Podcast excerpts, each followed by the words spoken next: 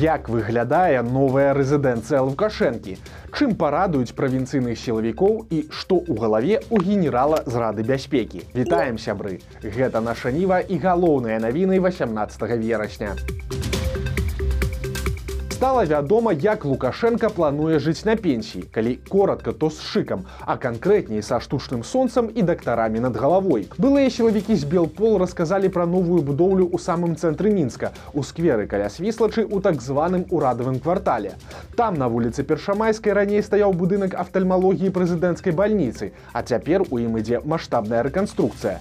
З будынка робяць рэзідэнцыю для старшыні усебеларускага народнага сходу. Гэта новая пасада якую якую лукашенко прапісаў у 22 годзе у абноўленай ім канстытуцыі. Старшыня усебеларускага народнага сходу мае паўнамоцтвы кантраляваць нават прэзідэнта. Таму падобна што лукашенко прыдумаў гэтую пасаду для самого сябе а дакладней для сябе пенсіянера на час калі ён пастарэе і захоча перадаць уладу падкантрольнаму сабе пераемніку. Дык што ж у той загадкавай рэзідэнцыі? Галоўная адметнасць што рэзідэнцыя прызначаная каб у ёй можна было і жыць і лячыцца. Гэта таксама намякае, што яе будучы уладальнік зусім не малады актыўны палітык. На закрытай тэрыторыі будзе парк, кантрольна-прапускны пункт, два пасты аховы і асноўны будынак аж у чатыры паверхі. Уваход у яго праз сканеры і металадэтэктары. На першым паверсе віп спа з басейнам і дарожкай кнейпа. Гэта ванначкі для ног з кантраснымі тэмпературамі і масажам ступняў.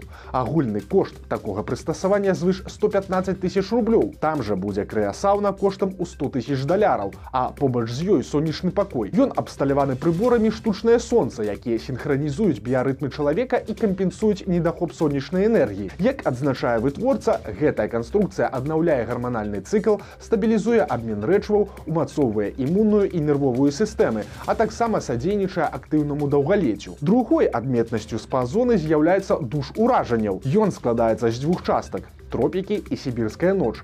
Каштуе такі душ больш за 93 тысяч рублёў. Таксама ў спа ёсць шыкоўная гідрамасажная ванная, фінская сауна і парная хамам. А таксама снегагенератар для вытворчасці снегу ў рэжыме круглагадовай эксплуатацыі. На другім паверсе працоўныя памяшканні. Там кабінеты, залы для перамову, прэс-цэнтр і канферэнц-зала на 42 месцы. На трэцім паверсе вялікая абедзеная зала і зала для нарадаў. Столю апошняй упрыгожвае вітраж з васількамі.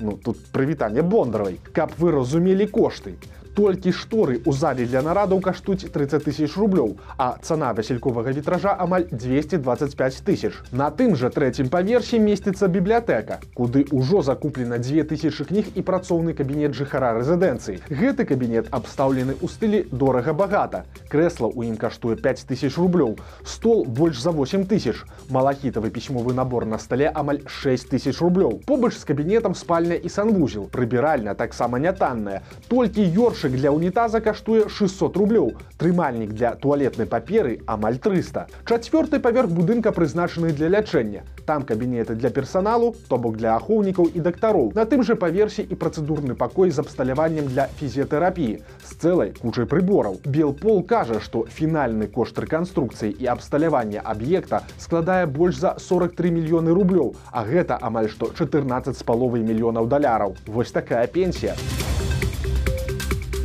Але ж пакуль лукашенко не на пенсіі і працягвае сваю скажем так дзейнасць у нядзелю ён быў у мінск арэне і святкаваў ім жа прыдуманы дзень народнага адзінства гэта дзень далучэння заходняй беларусі да ссср у 39 годзе у мінск арэне лукашенко выступіў са звыклай прамовай дзе паўпікаў польшу парасказваў як ён хоча міра і зноў паўтарыў. Жывіце спакойна і не перажывайце войны у нас не будзе мы не хотим воевать и не будем воевать никакой войны в современных условиях на территории не будет Беларуси, потому что это невозможно. Але ладно, тут хочацца звярнуць увагу вось на што. Далучэнне заходняй Беларусі стала вынікам дамоўленасці паміж двумя таталітарнымі дзяржавамі Геррманіяй і савецкім саюзам. У выніку Геррманія пачала другую сусветную першага верасня 39 -го года, атакаваўшы ўсходнюю частку Польшы захаду, а 17 верасня на ўсход Польшы ўвайшлі савецкія салдаты. Але ж пра такія нюансы Лукашенко сарамліва маўчыць, а далучэнне заходняй Беларусі яго прапагандысты гучна называюць актам гістарычнай справядлівасці. Гэта, дарэчы, цалкам капіюе рыторыку пуцінскай рассіі ў дачыненні да акупаваных украінскіх тэрыторый. Новыя будынкі не толькі ў лукашэнкі, але і ў яго сілавікоў. У петрыкаве плануюць пабудаваць новае аддзяленне міліцыі. Акрамя кабінетаў там будуць музей, спортзал і зала для нарадаў, а таксама ізалятар на 24 чалавекі і карцар. Ну і плюс гаражы, цір і іншыя памяшканні. Каштаваць усё гэта будзе 5 мільёнаў даляраў. Але чаму так шмат і чаму раптам цяпер? Адказ просты. У Петрыкавай два гады таму запусцілі горна-абагачальны комплекс. Там вялікія запасы калію. На новы комплекс выдаткавалі больш за мільярд даляраў і працаваць там будзе амаль 2000 чалавек. Таму цяпер грошы адсыпалі і сілавікам, каб лепш прыглядывалі за шахцёрамі.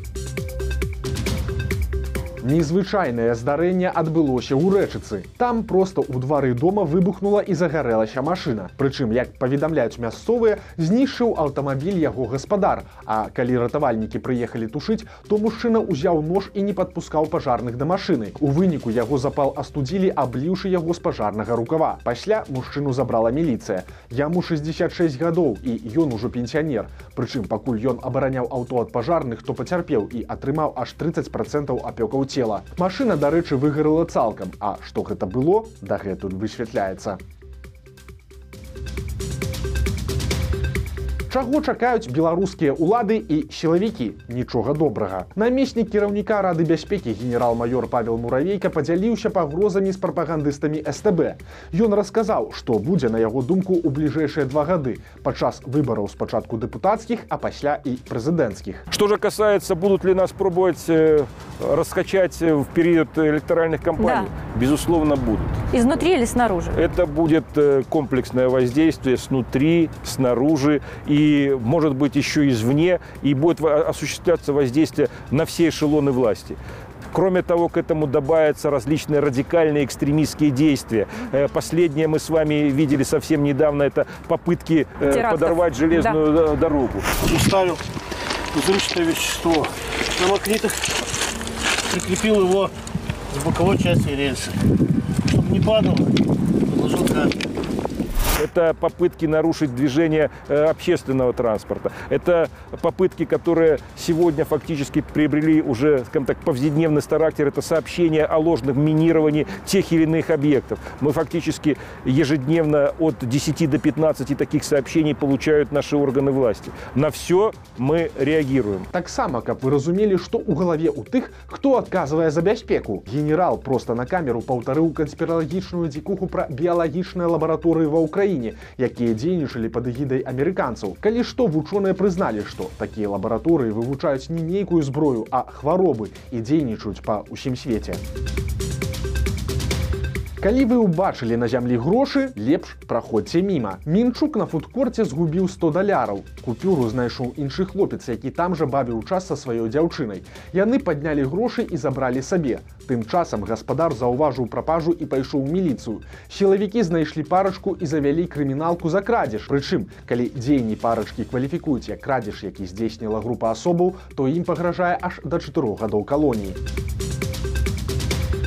Новы здзек з палітвязняў. Ці то ўлады, ці то адміністрацыя гомельскага сіза прыдумала, як пазбавіць перадаж палізняволеную паліну шарэнду панасюк. Раніцай 1 верасня ёй у камеру прынеслі мех яблакаў вагою роўна ў 30 кілаграмаў і паведамілі: Гэта вам перадача, але у чым тут сутнасць. 30 кілаграмаў гэта столькі, колькі б маглі перадаць сваякі, а цяпер у іх перадачы не прымаюць і адказваюць. Маўляў, усё простыя яблыкі. Ліміт вычарпаны. Паліна шарэнда панасюк нагадаем, чакае у гомелі чарговы палітычны суд. Да таго яе пастаянна катавалі карцарам і беспадстаўна пазбаўлялі перадач. Праз гэта Паліна трымала галадоўку і нават заявіла, што адмаўляецца ад беларускага грамадзянства. Расіянін вырашыў прагуляцца па беларускіх вуліцах у кепачцы з пагоняй. Скончылася ўсё чакана міліцыяй. Яго затрымалі, прызналі яго дзеянні пікетам і асудзілі. Праўда, пакаралі не так жорстка, як караюць беларусаў. Суддзя выпісала мужчыну двое сутак арышту.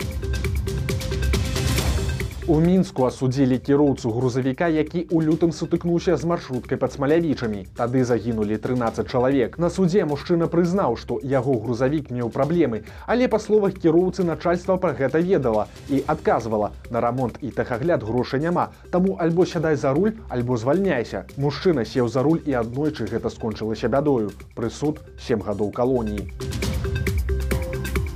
Памёр савецкі і расійскі паэт-песеннік Мікалай Дабранраваў, муж кампазітаркі Александры Пахмутавай. Ён меў дачыненне і да Беларусі. Дабранраваў аўтар слова да дзвюх шлягераў мулявінскіх песняроў. Гаворка ідзе пра песні белавежская пушча і маладосць мая Беларусія. Паэту было 94 гады. Паведамляецца, што ён сканаў пасля працяглай і цяжкай хваробы. А пад брэстам біолог Віктор Дзянешка вырошчвае гарбузоў гігантаў. Сёлета яго чарговы пітомец пацягнуў аж на 400 кілаграмаў. Сам дзямешка кажа, што вырасціць такога монстра нескладана. Галоўнае падабраць правільны сорт. Вось такія навіны панядзелка. Подписывайтеся на канал, ставце лайки альбо дызлайки і выказвайце свае заўвагі ў каментарах. І, канешне, чытайце нашу ніву, глядзіце нашу ніву і любіце Беларусь. da sus trechos. Altra!